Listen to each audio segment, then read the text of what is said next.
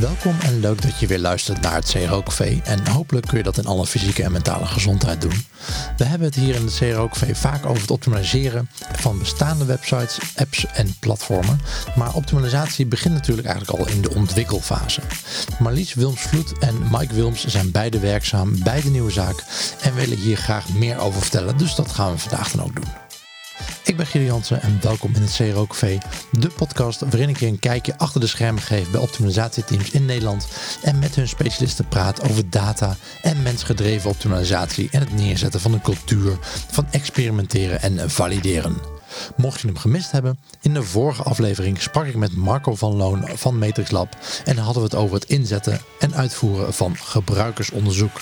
Die aflevering kun je terugluisteren via cero.café afleveringen of via de app waarin je nu aan het luisteren bent. Deze aflevering van het CRO-café wordt mede mogelijk gemaakt door onze partners SiteSpect, Content Square, Convert.com en Online Dialog. Welkom bij seizoen 2, aflevering 15. Ja, Marlies en Mike, welkom. We hebben elkaar al vaker gesproken op eh, enkele events in de tijd dat die nog uh, plaatsvonden. Maar nog niet eerder met de microfoon erbij. Dus ik ben uh, blij dat dat nu wel het geval is. En om te beginnen ben ik wel even benieuwd naar wat jullie onderlinge taakverdeling is. En hoe jullie team bij de nieuwe zaak eruit ziet. Ja, hi. Ik ben dus Marlies. En ehm, nou, de nieuwe zaak is een full digital agency. Dat betekent dat wij zowel techniek als uh, marketing uh, doen voor onze klanten. En uh, de positie van CRO is erin dat vroeger waren wij één team, zaten we bij elkaar en ja. bedienden we de andere teams. En sinds 2015 zijn wij gesplitst en zijn wij in multidisciplinaire marketingteams gaan werken. En uh, sinds twee jaar of sinds één jaar werken wij nu ook uh, in de techniekteams. En dan zijn wij op dit moment met uh, vijf CRO-specialisten verdeeld over alle teams. Dus zowel over marketing okay. als techniek. En data en customer insights. Oké, okay, dus een soort matrix-organisatie-achtige ja. indeling, zeg maar? Ja. Oké, okay. oké. En, uh, en, en hoe, hoe groot zijn die teams dan? Wat, wat, wat, uh, wat doen die? Ja, die teams die, uh, zijn weer georganiseerd rondom klantteams. Dus we hebben okay. verschillende, verschillende teams met ja, rond tussen de 10 en de 15 personen. Totaal zitten we met bijna 100 man bij de nieuwe zaak. Oké. Okay. En um, ja, dus zeg maar, het verschilt per team ook per hoeveel klanten ze hebben, wat voor soort klanten ze hebben. Mm -hmm. En, um, maar tussen de 10 en de 15 personen. En wat, wat voor, persoon, wat voor uh, rollen zit, zeg maar, zitten daarin? Ja, we hebben in de marketingteams heb je uh, marketing consultants en de kanaalspecialisten. En daar zit dus ook een CRO'er tussen. Ja. Bij de techniekteams hebben we uh, de, de developers, de frontenders, projectmanagers. en ook daar zit er dus een, ook een UX'er, designer en een CRO-specialist. En uh, we hebben nog een aantal um, bedienende teams, zeg maar. Dus we hebben ook nog een uh, marketing, uh, een, een, branding- en activatieteam. Dus die zorgen echt okay. meer voor de campagnes. En een um, team wat bedienend is van data en customer insights. Ja. Dus in de team zelf heb je wel een webspecialist zitten. Maar we hebben er ook nog één, zeg maar, die ook ja... Um, analyses automatiseert en, uh, en meer geavanceerde projecten doet. Ja. En we hebben ook nog een strategieteam die zit echt met onze klanten op de lange termijn te kijken en um, ja, adviseert echt op basis van de maturity, nou van welke stappen gaan we nu zetten voor, uh, om in de volgende fase te komen. Op okay. marketing, op techniek, op uh, de verschillende onderdelen. Ja, heel goed. En uh, nou ja, in, in deze podcast gaat het natuurlijk heel vaak over optimalisatie uh, uh, van, van, bestaande, van bestaande websites. En nu zeiden jullie tegen mij van, ja maar Guido, we moeten die, die in, in ontwikkelingsfase, daar begint die optimalisatie al. Dus daar moeten we het een keertje over gaan hebben. Dus nou ja, bij deze, Mike, vertel, waarom is dat zo belangrijk? Dat, dat is zeker belangrijk omdat je daar dan al de basis kan leggen. Um, ja, wat we dus uh, signaleren is dat uh, CRO wordt vaak vanuit uh, een marketinghoek aangevlogen. dus dan heb je het over het continu. AB-testen van, van vaak de website om je marketing effort beter te laten renderen. Ja, en het, het, valt ook vaak onder het marketingteam, hè? CRO. Klopt, ja. ja. En ook vaak onder de marketingbudgetten. Ja. Vanuit onze klanten gaat het vanuit de marketing manager. en wat wij eigenlijk constateerde was dat wij als, market, of, oh ja, als CRO-specialist in zo'n marketingteam veelal bezig waren met eigenlijk platformoptimalisatie uh, en dus los stonden van de marketingwerkzaamheden. En wat, wat ik daarmee bedoel is dat we eigenlijk het doel van die marketingteams was om heel multidisciplinair samen voor die klanten uh, te werken en dus ook de marketing te optimaliseren. En de rol van de CRO daarin was heel erg om te kijken van hoe kunnen we die verschillende kanalen optimaliseren en beter op elkaar aan laten sluiten. Om dat mhm. samen met een marketing consultant op te pakken. Ja. Uh, en dat kwam tot voor kort, of ja, tot, tot een jaar geleden eigenlijk niet heel goed uit te verven, omdat de CRO-producten zoals die, zoals het continu optimaliseren, AB-testen, user testing, uh, customer journeys en al dat soort werkzaamheden die we daarvoor ook al deden, maar zijn gewoon echt te populair, waardoor we geen tijd overhielden om ja. vanuit, een, vanuit een bredere blik naar die verschillende kanalen te kijken. Ja.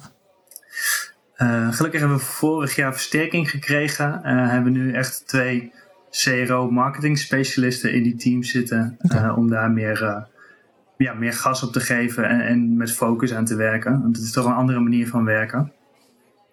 En tegelijkertijd zijn we met ook twee CRO-specialisten, waaronder ik, vanuit uh, de marketinghoek meer naar de platformtechniekkant gegaan om daar ja, vanuit een CRO-perspectief uh, tegen het ontwikkeltraject uh, aan te bemoeien. Ja, oké, cool. En, en ja, dan ben ik wel heel benieuwd van, nou ja, jullie krijgen een nieuwe klant. waar begin je dan? wat gaan jullie doen? Ik denk dat Marlies die het beste kan beantwoorden vanuit de discovery fase. Ja. Ja, heel goed. Ja, omdat ik ook in de discovery fase veel wordt, uh, wordt ingezet. Omdat in de discovery fase is echt de startfase van een klant komt bij je en die zegt van uh, we willen een nieuw platform hebben. En uh, ja, wat moet ik doen? En nou, dan gaan we eerst gaan we een strategische fase in waarin we echt gaan kijken van ja, wat is het doel van jullie bedrijf op, op korte termijn en op, op lange termijn? Wie zijn jullie doelgroepen? Wie zijn jullie doelgroepen op de lange termijn? En dan gaan we in die uh, discovery fase echt goed kijken ook van uh, wat zijn naast de bedrijfsstrategie, wie is je klant en wat wil je klant. En uh, dus dan gaan we ook de klant erin betrekken. En dan gaan we vaak ja, persona's of profielen of segmenten maken, uitvragen. En dan gaan we customer journey mapping doen. En dat is altijd een belangrijk onderdeel in die fase.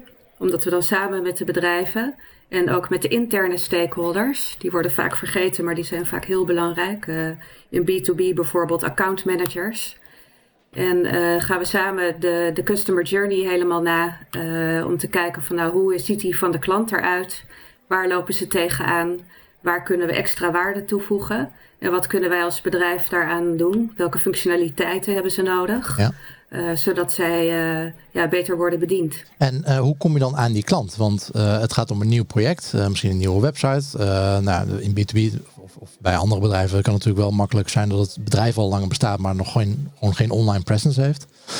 dus hoe kom je dan aan die klant? Wat is een representatieve klant en hoe kom je daar aan voor het onderzoek? De klanten zijn de eindklanten bedoel je, neem ik aan? Ja, de, degene die de website ja. uiteindelijk gaat gebruiken. Ja, ja, dat is een, eh, een mix. Uh, vaak zetten we, uh, vragen we bestaande klanten uh, van het bedrijf. En dat is ontzettend leuk. De, de offline klanten, zeg maar.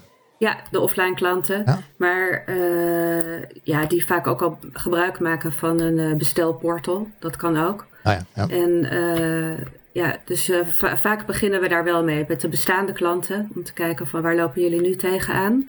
En uh, in een aantal gevallen, als de strategie is om ook een nieuwe markt te bedienen, dan uh, gaan we op zoek naar, naar nieuwe klanten. En dan, uh, ja, dan maken we gebruik ook soms van een respondentenwervingsbureau. En, en hoe, hoe ga je dat dan? Oké, dan heb je die inzichten verzameld, je hebt je customer journey verzameld. Ehm, ja, hoe, hoe ga je dat dan valideren? Klopt het inderdaad wat we bedacht hebben met z'n allen? nou, dat is heel mooi, want dan kom je in. Um, naast dat je in zo'n discovery fase uh, gaan we natuurlijk ook doen we nog een goede check op de, op de hele op de techniek. Ja. En op de architectuur, op de data, dat soort dingen. Uh, om te zorgen dat uh, wat, we, wat we bedenken, dat dat dan ook later ja, kan. En dan kan je ook nog beslissingen nemen welke techniek ga je überhaupt gebruiken. En um, verdergaand op je vraag van ja, wat ga, hoe ga je dat dan valideren? Dan komen we in de tweede fase. Want uh, op basis van die, uh, uh, het combineren van die doelen van de bedrijven en de eindklanten, ga je dan kijken, ja, wat voor oplossingen zijn er dan uh, mogelijk? Wat voor functionaliteiten kunnen we gaan bedenken om die eindklant zo goed te bedienen? En dan maken we vaak een prototype. En dan uh, op basis van dat prototype gaan we dan uh, vaak naar dezelfde klanten die we dan in de discovery fase hebben geïnterviewd. Van nou kijk, uh, dit waren jullie problemen. We hebben een aantal oplossingen bedacht. En is dit wat jij bedoelt? En dat zijn vaak superleuke interviews, ja. omdat A, klanten zich onwijs gehoord voelen. Ja. En kijk, je doet echt wat met wat, wij, wat wij hebben gezegd. En los van het feit dat je dan een goed idee krijgt voordat je al dingen gaat bouwen, uh, weet je dan uh, ja, of het inderdaad een goed idee is. Maar krijg je ook al meteen heel veel input voor uh, verdere verfijning, verdere ideeën. Hoe kan je het nog beter maken? Dus ook voor het vervolgtraject komen daar altijd hele zinvolle dingen uit. SiteSpect biedt wereldwijd een unieke AB-testing, personalisatie en product recommendation oplossing. SiteSpec werkt server-side, dus zonder tags of scripts, waardoor een optimale performance gegarandeerd is. De SiteSpec-oplossing elimineert vertragingen en kans op flikkereffecten. Tevens zorgt deze aanpak ervoor dat de huidige en toekomstige browser security regels zoals ITP en ETP geen impact hebben op het AB-testen en personaliseren met SiteSpec. Voor meer informatie hierover ga je naar sitespect.com. Ja, heb je wel eens wat extreems meegemaakt in zo'n fase? Dat je, dat je, nou ja, dat je erachter komt van, nou, deze, niemand zit op een website te wachten. Zoiets. Of misschien wat minder extreem, maar dat je totaal de verkeerde doelgroep aan het aanspreken bent en dat soort dingen. Nou, dat, dat zozeer niet. Maar uh, wat we wel. Uh, eh, ik heb natuurlijk wel heel sceptisch, vooral in business to business, van nou joh, ik ga toch gewoon een account manager bellen. Dat is voor mij veel makkelijker. En uh, ja. we hebben een heel leuk project gedaan, uh, bijvoorbeeld bij, uh, bij boeren. Mhm. En dan gingen we echt ook bij die boeren langs. Dus we zaten, bij wijze van spreken, in de stal. Zaten we met hun naar dat prototype te kijken. En dan zie je, omdat je iets hebt bedacht vanuit hun situatie, vanuit hun behoefte, omdat je echt naar hun customer journey hebt gekeken, ja. kom je dan er bijvoorbeeld achter. Nou, het, heb je al de goede dingen. Maar kom je achter iets heel grappigs was dat je bij die boeren. Uh, die, die, willen dan, die doen hun bestelling vaak vanuit die stal, maar hun wifi is daar vaak niet goed. Oh ja, ja. Dat, is al, dat, dat zijn van die leuke dingen om dan. Uh, nou ja, daar kan je natuurlijk een hele leuke oplossing voor verzinnen. Ja, uh, eh, 4G, extra wifi-routers of local storage of Local storage bijvoorbeeld, ja. Dus dat je het eerst uh, en dat, uh, dat je het eerst opslaat en uh, zodra ze hun huis binnenlopen, dat die doorgaat. Ja, dat je een leuk touchscreen bedacht hebt, maar iedereen heeft handschoenen aan of zo, dat soort dingen. Ja, ja heel goed. Mike, jij wou, wou nog wat toevoegen? Nou, we hebben ook onlangs al een ander mooi voorbeeld gehad. Dat was voor een, een groothandel. Die distribueerde eigenlijk over de hele wereld hun product. en daar was de perceptie, onder andere ook weer bij account managers, dat, dat hun doelgroep niet zat te wachten op een, uh, op een online bestelportal. Um, want ja. ja. dat was allemaal gedoe en het werkte nu toch hoe, het, hoe, het, hoe ze het nu deden. Bijvoorbeeld door het inscannen ja. van, uh, van, van bonnetjes of het overtypen van e-mails in hun eigen bestel, uh, bestelplatform. En toen hebben we eigenlijk een, een tweedaagse workshop gedaan. Ehm, met daarin heel veel, een aantal account managers Um, waardoor zij ook zagen van hey, de ideeën die wij hier opperen, die worden ook gelijk ter uitvoering gebracht in een, in een concept, in een prototype. Dat prototype hebben we eigenlijk op hele korte termijn al kunnen uh, user testen middels een online user test. Zo hebben we respondenten uit Amerika, Zweden, uh, maar ook uit, gewoon uit Zwolle weten te user testen. en, en eigenlijk een, een heel veel verschillende inzichten opgehaald. Maar belangrijker was nog dat we vanuit die doelgroep, die eindgebruiker, hoorden dat zij echt toegevoegde waarde zagen in de oplossingen die wij samen met die accountmanagers hadden bedacht. En dat zij echt, uh, nou, als het zo uitgewerkt zou worden, er wel gebruik van zouden gaan maken. Dus aan het eind van die week waren de accountmanagers volledig overtuigd. En uh, hadden we eigenlijk een soort van ambassadeurs gecreëerd uh, voor het te bouwen portal. Zo konden we in één week tijd echt gigantisch veel bereiken binnen het bedrijf. Ja. Wat zijn, wat zijn door jullie de meest gebruikte onderzoeksmethodes in, in die discovery en die validatiefase? Want je kan natuurlijk heel veel verschillende dingen doen. Um, uh, je kan screen recordings doen, je kan surveys doen, je kan user testing, interviews, whatever je kan verzinnen. Maar je hebt geen website, of je, je, hebt geen, je kan geen AB-testen doen, zeg maar. Ehm, dus wat zijn de meest gebruikte methodes door jullie?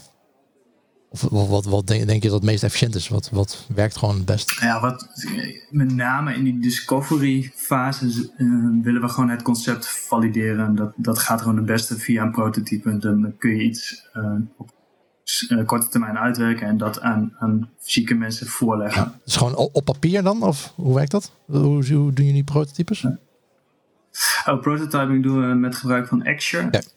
Action, eh, rapid prototyping. echt een clickable uh, prototype, zeg maar. Ja, meestal wel een clickable uh, wireframe, want het is eigenlijk net, net zoveel werk als een non-clickable uh, wireframe maken. Dus, dus met de minimale effort heb je veel meer resultaat. Ja. En heeft de gebruiker wel het idee dat ze ergens doorheen kunnen klikken. Ja. Um, maar ja, eigenlijk daarvoor zit je nog in de schetsfase waarbij je met stakeholders eigenlijk de schetsen gewoon gaat bespreken. Maar, en, maar hoe, eh, hoe verzamel je de data dan? Is het gewoon puur een interview en, en schrijf je mee, zeg maar? Of doe je recordings uh, van het scherm? Of doe je echt, uh, I don't know, uh, eye tracking op zo'n prototype? We willen eigenlijk wel altijd screen recordings, webcam recordings, dus ook de muisbewegingen tracken. Mm -hmm. omdat je daarmee iets hebt om op terug te vallen. Hè? Dus we ja. schrijven altijd mee, maken altijd notulen, ja. zodat je niet alles terug hoeft te kijken. eye tracking hebben we eigenlijk nog niet veel toegepast, omdat we daar uh, zeker in deze fase de toegevoegde waarde niet zo van zien. Nee. Uh, omdat je daar met name op emotioneel vlak aan het, uh, aan het onderzoeken bent. Nu zitten we nog veel meer op gebruiksvriendelijkheid. zou je het willen gebruiken, et cetera. Oké, helder. ja, AB-testen in deze fase, met name in die voorbereidingsfase, gebruiken we ook wel eens op, de, op het oude platform om bepaalde dingen te valideren. Als we een oplossingsrichting hebben, om te checken van hey, onder de huidige gebruikers moeten we A of B in een nieuwe platform gaan implementeren? Of uh, zijn er nog andere oplossingen mogelijk? Oké, ja, dus dat, dat is wel slim inderdaad. Als, als er wel een bestaand platform is, uh, om dat te gebruiken om, om je aannames uh, even te, te testen.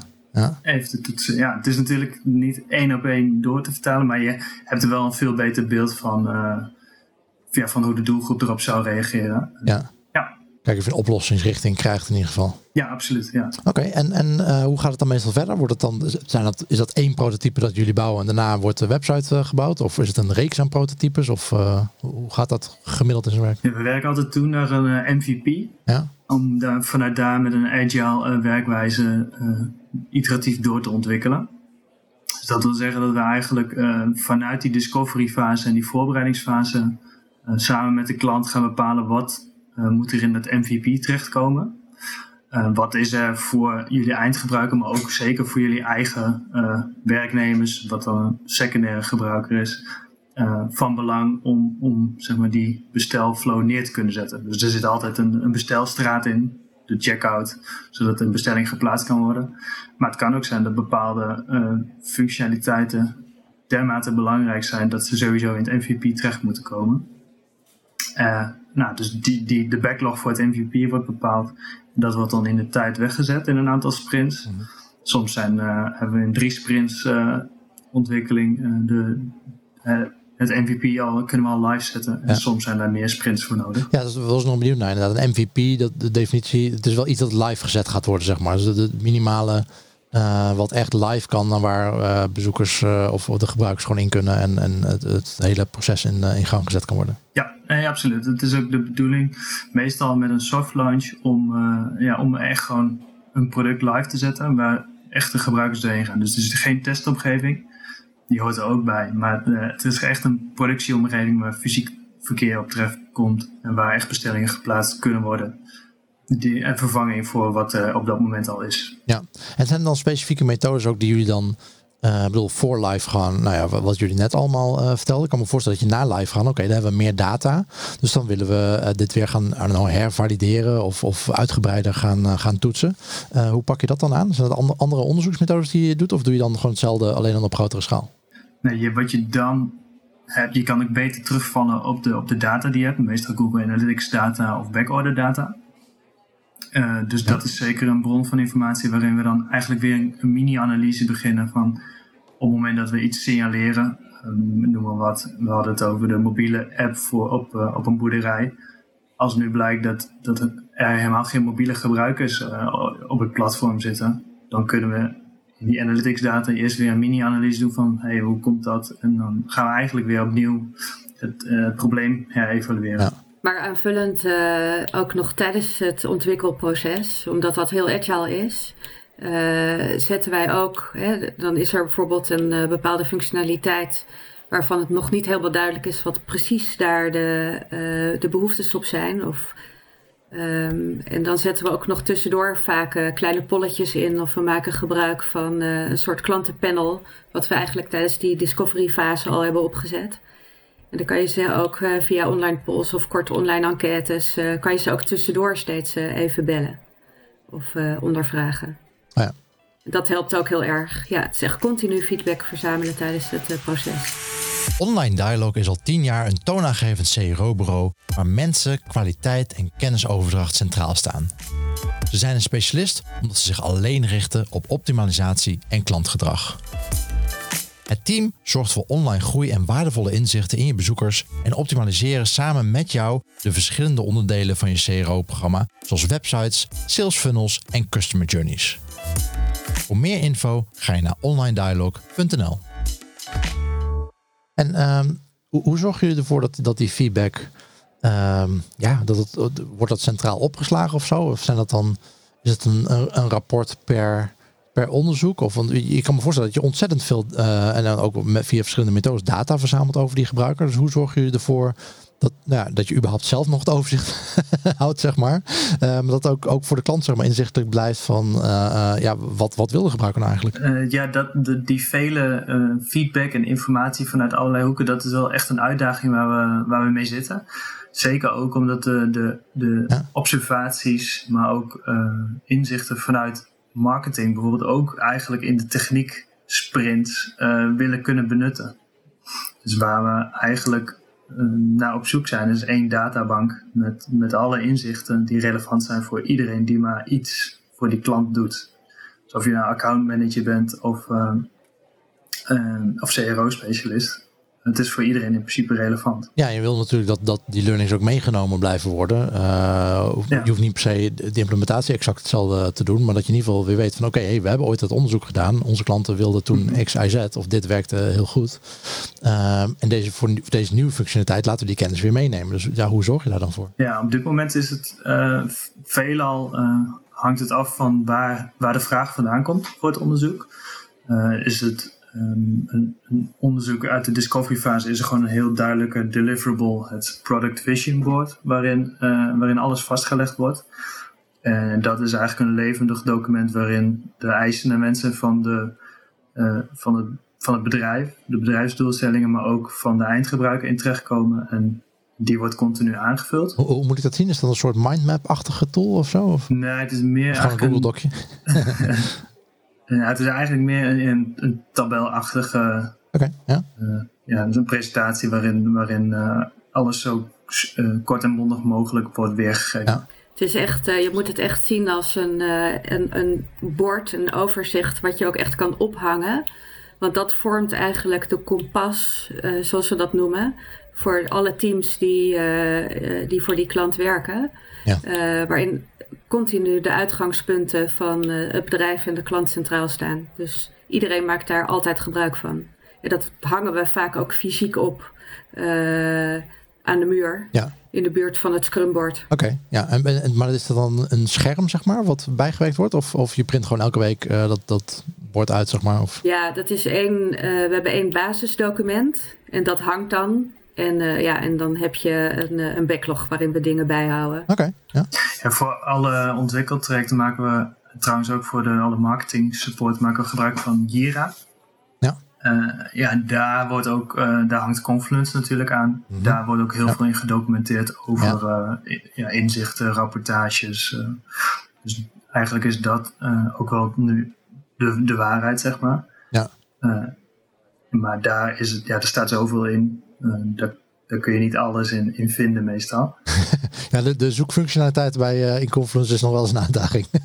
Inderdaad, ja, dus heel geordend is het uh, allemaal niet. Ja, dat is lastig. Maar het, het staat er allemaal wel. Ja, ja. En, maar, de klanten hebben daar ook toegang toe, zeg maar? Of? Ja, ja, precies. Dus we werken er samen met onze klanten in, in Confluence en Jira. Hey, en uh, nou, een andere uitdaging die ook heel veel andere uh, luisteraars denk ik wel, wel zien, dit, dit soort fases, dat je dat er nog steeds niet een, een eenduidig antwoord is, zeg maar. We kunnen al werken naar een MVP. Uh, maar uh, nou, als, je, als je onderzoeksgroep breed genoeg is, dan zul je vast wel zien dat daar uh, verschillende subgroepjes in zitten. of misschien waren die van tevoren zelfs al gedefinieerd. Ehm, van, van bezoekers met verschillende gebruikers. En achteraf kun je natuurlijk misschien personalisatie doen. Maar hoe, hoe doe je dat tijdens het opbouwen van zo'n MVP? Hoe gaan jullie daarmee om? Wie wil? nou, ik kan in de discovery fase houden we daar al al, uh, al direct rekening mee. Dat uh, bij het bepalen van de verschillende klantgroepen. Ja. Uh, en um, dat is wel mooi, omdat we daar ook steeds meer data ook bij kunnen gebruiken. Mhm. Dus onze data scientist die duikt dan ook vaak in het CRM-systeem of het back-office systeem om te zien van hé, hey, hoe kunnen wij, uh, welke klanten hebben wij, hoe gedragen ze zich, welke waarden hebben ze voor het bedrijf. En op die manier krijg je al de eerste profielen, zeg maar. En voor die verschillende profielen ga je dan, uh, dan weet je ook hoe groot ze zijn, hoe waardevol ze zijn. En uh, met die dus per profiel maken we dan een verschillende customer journey map. En uh, ja, weet je, op die manier kan je ook uh, kijken waar liggen de prioriteiten. Want bij je grootste, meest waardevolle groep, of daar waar je strategie ligt, die ga je dan als eerste ontwikkelen. Ja. En uh, bij de doorontwikkeling kan je eventueel functionaliteiten die bij een minder belangrijke groep ligt, uh, verder gaan doorontwikkelen. Ga je dan in zo'n MVP uit van een soort meer statische omgeving, zeg maar, waarin je die verschillende uh, personen of, of, profielen wil bedienen? Of ga je al uit van, oké, er, er, komt een soort personalisatietool overheen aan het, na, na livegang, zeg maar, die dat allemaal automatisch voor ons gaat oplossen? Ja, een beetje, een beetje afhankelijk. Even idealistisch. Uh. ja. ja. maar een beetje afhankelijk natuurlijk van, uh, van de situatie. Hou je rekening uh, met één of meerdere. Maar als je weet dat je in de toekomst personalisatie toe wil passen, en dat is het mooie van zo'n fase, dat je dat weet, dan hou je daar direct al bij de ontwikkeling van je omgeving rekening mee. En dan hoef je het nog niet meteen te bouwen, maar dan leg je wel het fundament om dat later te kunnen gebruiken. Ja, oké. En, en nou ja, um, er staat, staat er iets lives, uh, iets moois. Um, hoe gaan jullie eigenlijk om met, met uh, de klanten en, en dit bijbrengen bij de klanten, zeg maar? Want naar mijn ervaring is het in ieder geval heel lastig om dit als extern bureau volledig als extern bureau te doen, zeg maar, zonder echt dat mensen uh, aan de klantzijde ook hier aan uh, meewerken, actief aan meewerken. Niet alleen maar iemand die een handtekening zet van ga je gang. Uh, maar dat, dat het eigenlijk een soort proces is dat je wil dat de klant ook zelf gaat, gaat doen. Ehm, ja, hoe pakken jullie dat aan? Of zie, zie, je dat überhaupt anders? Of dat kan ook natuurlijk. Ja, ik denk dat het is sowieso ons geluk dat we bij de nieuwe zaak werken en dat de nieuwe zaak altijd heel nauw samenwerkt met onze klanten.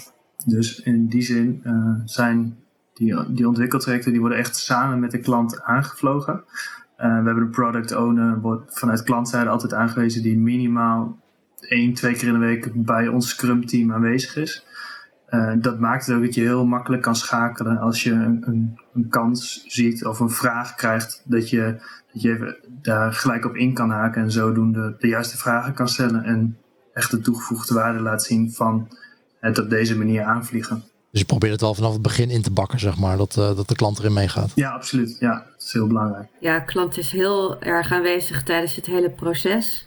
Maar juist ook door dat je de klant, uh, zowel de klant als de eindklant, interne en externe gebruikers in het hele proces betrekt, ga, creëer je automatisch wel een soort van bijna super users En uh, zien we situaties dat, uh, dat bepaalde mensen het systeem al meer kennen en dan ook aan anderen heel goed uit kunnen leggen. Ja. En we laten ook de, uh, de klant en de, en de gebruikers, zoals in business to business, die account managers waar Mike het net over had, die zijn dan aanwezig bij die, ook bij die prototype tests of die user tests. Ja. En dus die weten er dan al heel veel van. En dat helpt onwijs bij de introductie ja, en je had het net al, je had het net in het begin ook al van die, die stakeholders zijn heel belangrijk. Heb je al een vast lijstje met, uh, met uh, nou ja, functieprofielen zeg maar, die jullie afgaan van oké, dit zijn de mensen die we allemaal even moeten spreken voordat we überhaupt aan de gang gaan? Ja, eigenlijk wel. Dat, uh...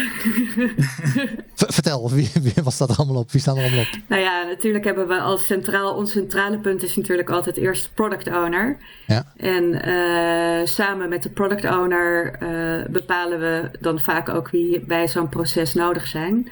En natuurlijk naast de echte stakeholders, de directie en de, de, de, de, de financieel managers en commercieel en sales vinden we het ook heel erg belangrijk uh, om ook echt mensen uit de praktijk daarbij uh, te betrekken. En uh, dus we proberen eigenlijk, proberen we met name bij workshops altijd de hele customer journey aan tafel te krijgen. Mm.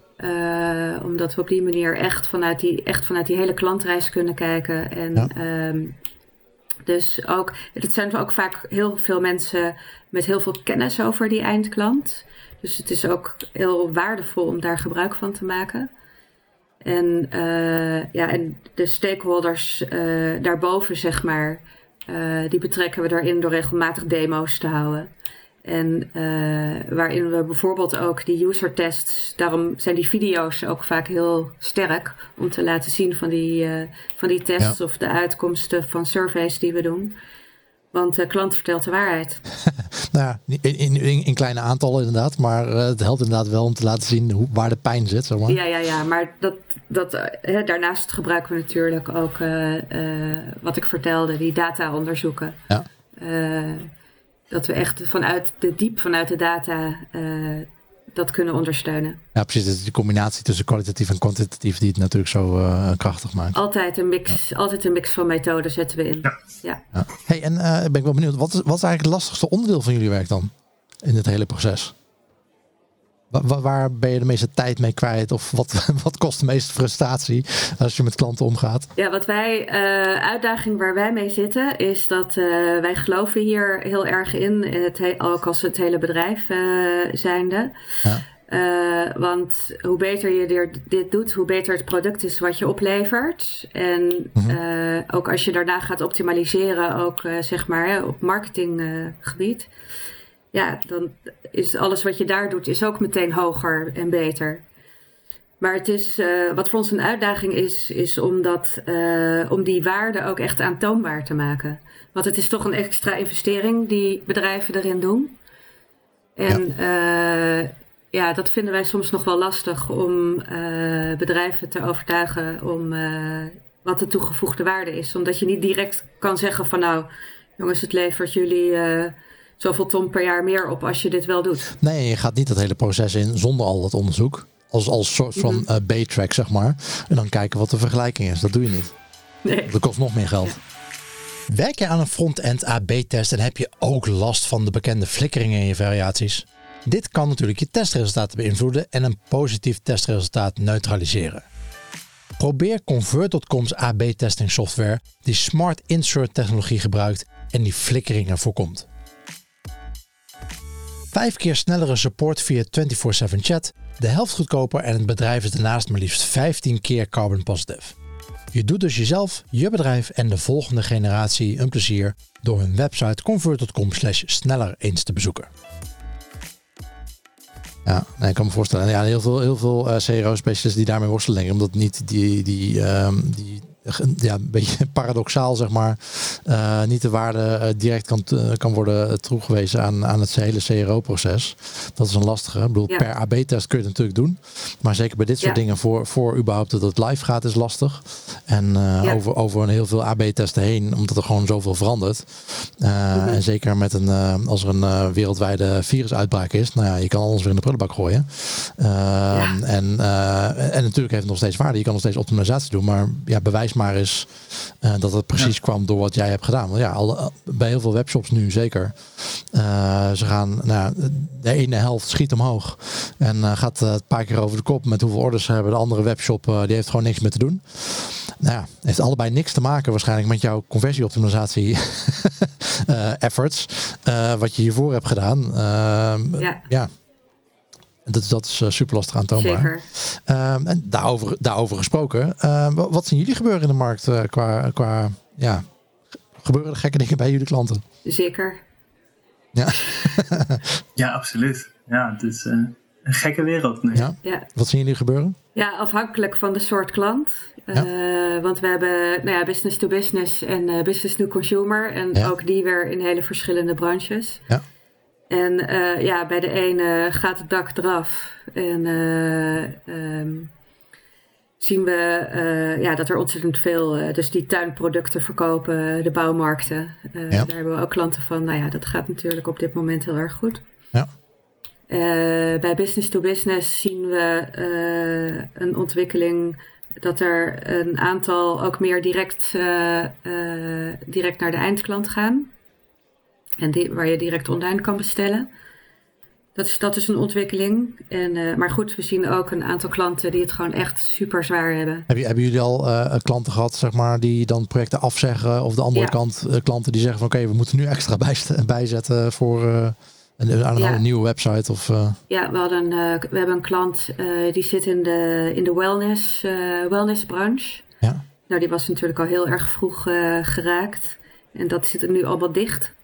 Ja. En uh, ja, dat is, uh, ja, die hebben het echt zwaar. Ja, ja dat is lastig inderdaad. En, en dan moet je maar bedenken om daar, uh, ja, je kan wel creatieve oplossingen bedenken natuurlijk. Ja.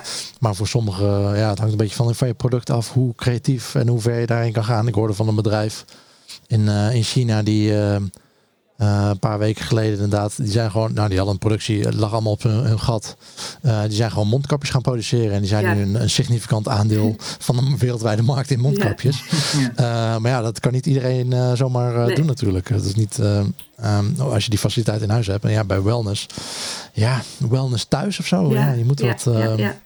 Die moeten we wel heel, heel, heel extreem in gaan ja. denken, denk ik. Nou, we hebben nu als team zijn we er natuurlijk onwijs druk mee bezig. Van hoe kunnen wij nu onze klanten helpen in deze periode. En uh, nou, we hebben net ook een, een blog geschreven over uh, het gebruik van uh, data en klantinzicht juist nu. Vooral ook ja. omdat mensen en gedrag nu echt heel anders kan zijn. En je met name ook ja. op emotioneel niveau nu uh, heel ander uh, gedrag ziet. Mensen hebben andere copingstrategieën en uh, tonen ander gedrag, hebben andere vragen. Dus we zijn heel erg, we hebben echt een checklist gemaakt, ook per team. Van ja, wat, wat kunnen wij doen, welke data, welke inzichten en welke methodes zetten we hiervoor in.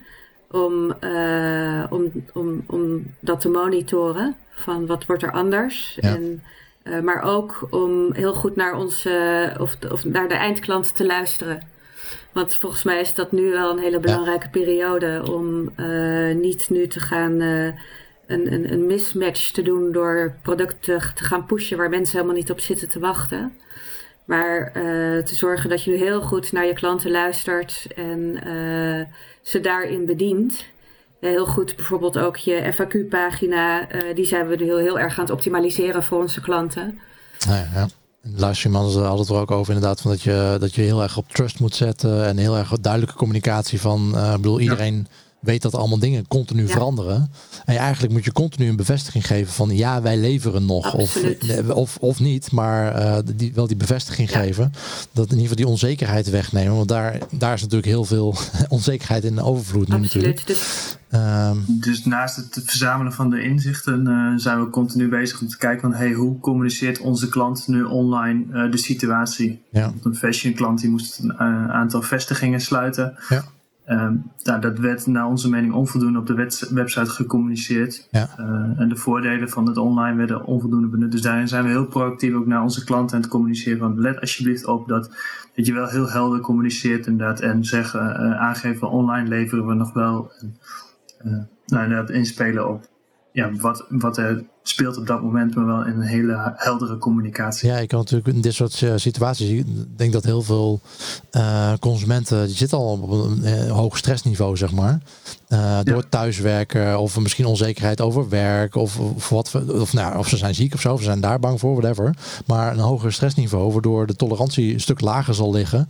dus ja, dan kun je wel doen alsof je neus bloedt en alsof je alle winkels open zijn, maar als dat, of dat er geleverd kan worden. Maar als het dan uiteindelijk aan het eind van de film niet blijkt te kunnen, of erger nog, er wordt gewoon überhaupt niet geleverd zonder dat je een bericht daarvoor stuurt. Uh, nee. Ja, dan uh, zal, die, zal die frustratie extra groot zijn. En, en dan kun je wel extra backlash verwachten, denk ik, ook met reviews ja. uh, van klanten die dat niet heel tof vinden. Ja, het is heel belangrijk dat je het nu goed doet, ook voor de langere termijn. Maar hoe, hoe, hoe zou je dat? Uh, jullie hebben, ik, heb de, ik heb jullie blog niet gelezen. We zullen wel even naar, naar linken in de show notes. Maar waar ik wel benieuwd naar ben met, met gebruiksonderzoek doen nu. Uh, wat ik me heel erg afvraag van ja, er veranderen zoveel dingen zo snel. Van week tot week of soms zelfs van dag tot dag. ja, ik kan, ik kan vandaag onderzoek doen. Maar morgen kan de situatie weer heel anders zijn, zeg maar. Dus ja, hoe, hoe, dat lijkt me super lastig om dat, om, om dat dan op te zetten. En, en ja, hoe vertaal ik dat dan naar praktische uh, inzichten wat we, wat we de, door kunnen voeren in onze bedrijfsvoering. Nou, dat betekent dat we nu heel kort cyclische onderzoeken inzetten. Even, ja. uh, en, en wij, wij werken zeg maar met het model met de vier kwadranten, waarin je kijkt van wat mensen doen en wat mensen zeggen en kwalitatieve en kwantitatieve methoden. En daar zetten we altijd een mix ja. van in. En daar kijken we nu van, we zetten nu de methodes in uh, om, uh, zodat we echt op heel kort op de bal kunnen zitten. En uh, dat we iedere week bijvoorbeeld kijken naar wat, wat doet online on-site search, welke zoektermen gebruiken mensen. dat we um, welke soorten bezoekers zijn er. dat zijn zeg maar meer de kwantitatieve dingen.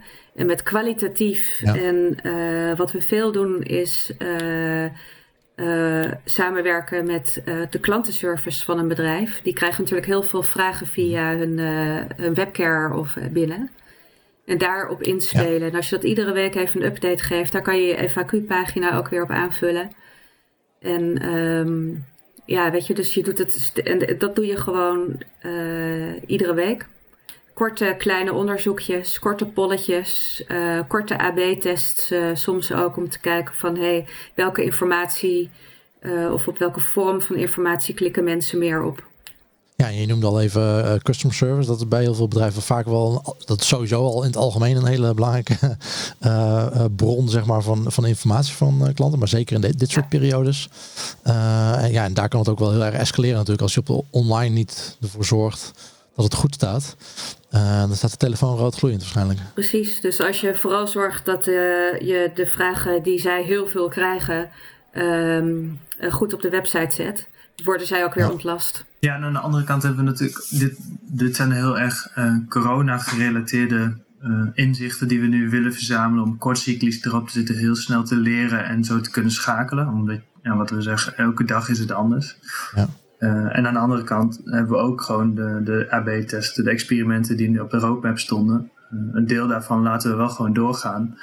Um, met als notatie dat dit tijdens uh, de coronacrisis was. Um, zodat we over een half jaar, hopelijk eerder, het experiment nog een keer kunnen doen. Ja. om te kijken of daar verschil in zit. Maar ook die inzichten zijn nu nog steeds waardevol. Ja, het is inderdaad lastig van ja, hoe, hoe lang houdbaar zijn die inderdaad? Uh, dat is, uh, dat is inderdaad ja. de vraag. Want uh, ja, normaal gesproken heb je, de, bedoel, de meeste bedrijven hebben wel met een bepaalde cyclus te maken natuurlijk duren, gedurende het jaar. oftewel seizoenen in, in, in fashion of je hebt, know, als je een gifting website hebt, dan is het moederdag, vaderdag, kerst, dat soort dingen. Ja. Ehm, en dat soort dingen dat soort inzicht, dat zijn ook uh, extreme uh, situaties vaak in, in, hoe mensen kopen en ander gedrag. Maar ja, dat is wel iets wat jaarlijks terugkeert. dus daar kun je, volgend jaar weer gebruiken. Precies. En dat is nu nog maar de vraag natuurlijk. En, eh, hopelijk niet. Ja, hopelijk niet. maar ja, dat is een beetje de. Ik kan me veel, heel veel bedrijven die daar ook mee worstelen van ja, hoe lang gaat het duren? En, en ja, hoeveel moet ik dan investeren in, in onderzoek doen nu? Want als het over twee weken allemaal over is, uh, ja, wat heb ik er dan aan om daar nu in te investeren? Dan moeten we misschien, misschien gewoon even twee weken onze adem inhouden en daarna weer door. Maar ja, als dit uh, twee, drie jaar gaat duren, dan, uh, dan is het een ander verhaal. Fijn als je toch wat onderzoek doet. Ja, dan wordt het een ander verhaal. Ja. ja, laten we het niet hopen. Maar daarom, daarom inderdaad een combinatie van uh, kortcyclisch onderzoeken waar je direct nu ja. ook toegevoegde waarde mee, uh, mee levert. Ja, en, dus wat, wat, zou, wat zou je tip zijn zeg maar, voor, voor kortcyclisch onderzoek dat mensen makkelijk kunnen inzetten? Ja, nou, dat is wat ik net vertelde. Met name die, ja. uh, die FAQ-pagina's. Uh, uh, maar ook in, in, in analytics. Verlost van de hygiënemaatregelen die je nu even moet tre treffen met het uitsluiten van IP-adressen van thuiswerkers. wij bijvoorbeeld. En de juiste ja. annotaties. Dat je ook, nou ja, dat je daar goede dashboards nu voor inricht. Van um, ja, wat voor bezoekers zijn dat dan? Um, nou ja, de, um, je kan nu ook via, uh, via e-mail ook wel onderzoeken doen. En uh, daarin kan je de veelgestelde uh, vragen en antwoorden proactief geven. En die mensen geruststellen op de vragen die ze hebben, maar ook uitnodigen om mee te doen en input te geven aan de vragen die ze nog hebben. Uh, we houden ook uh, extra session recordings uh, op sommige pagina's nu, nu bij. Om te kijken van ja, hoe, hoe, hoe gebruiken mensen bepaalde belangrijke pagina's. Ja. En missen we daar nog, nog iets? Of zien we dat bepaalde ja, call to actions niet worden gezien? En, en we zetten ook um, uh, online uh, klantinterviews uh, in, korte. En um, nog niet zo heel erg veel, maar we vinden het eigenlijk wel, we moedigen onze klanten aan om dat wel te doen. Om, ja. ja om vooral ook die emotie te peilen. Van um, wat is jullie emotie en hoe kunnen we daarbij op inspelen? Want ook dat is voor ons belangrijk om de goede hypotheses te stellen van de, over de tone of voice of over je content. Precies. Hey, super. Hey, dank voor, voor deze inzichten. Uh, onze tijd zit er alweer uh, bijna op. Dus ik zou zeggen, uh, dank hiervoor. Uh, we gaan in ieder geval even een linkje plaatsen naar uh, jullie blog. Met, er staan al meerdere corona-gerelateerde artikelen op. Dus als je onderzoek wilt doen, inderdaad. de laatste was inderdaad, juist nu is je klantinzicht van belang, waar we het net over gehad hebben. maar jullie hebben ook een corona-checklist, zie ik, en hoe je digitaal kan inspelen op de coronacrisis. Mm -hmm. Dus ehm, daar gaan we even naar linken. Super. En dank jullie wel. Um, en um, ja, ik zou zeggen, uh, uh, blijf gezond en uh, succes nog even met thuiswerken. ja, jullie ook. Dankjewel. Doei doei. Dit was seizoen 2, aflevering 15 van het CRO Café met Marlies en Mike van de Nieuwe Zaak. Mocht jij als CRO-specialist nu ook even extra willen inzetten voor ondernemers die het nu zwaar hebben in coronatijd, er is een nieuw initiatief gestart genaamd COVID Crap. Uh, ik heb me ook uh, hierbij aangesloten en het initiatief is gericht op het samenbrengen van CRO-specialisten en bedrijven die dat nu extra hard nodig hebben. Meer info en aanmelden daarvoor kan op covidcrap.org, dat is C-O-V-I-D-C-R-A-P.org. En binnenkort meer hierover in deze podcast. Wij spreken elkaar volgende week weer. Hou gepaste afstand tot elkaar en always be optimizing.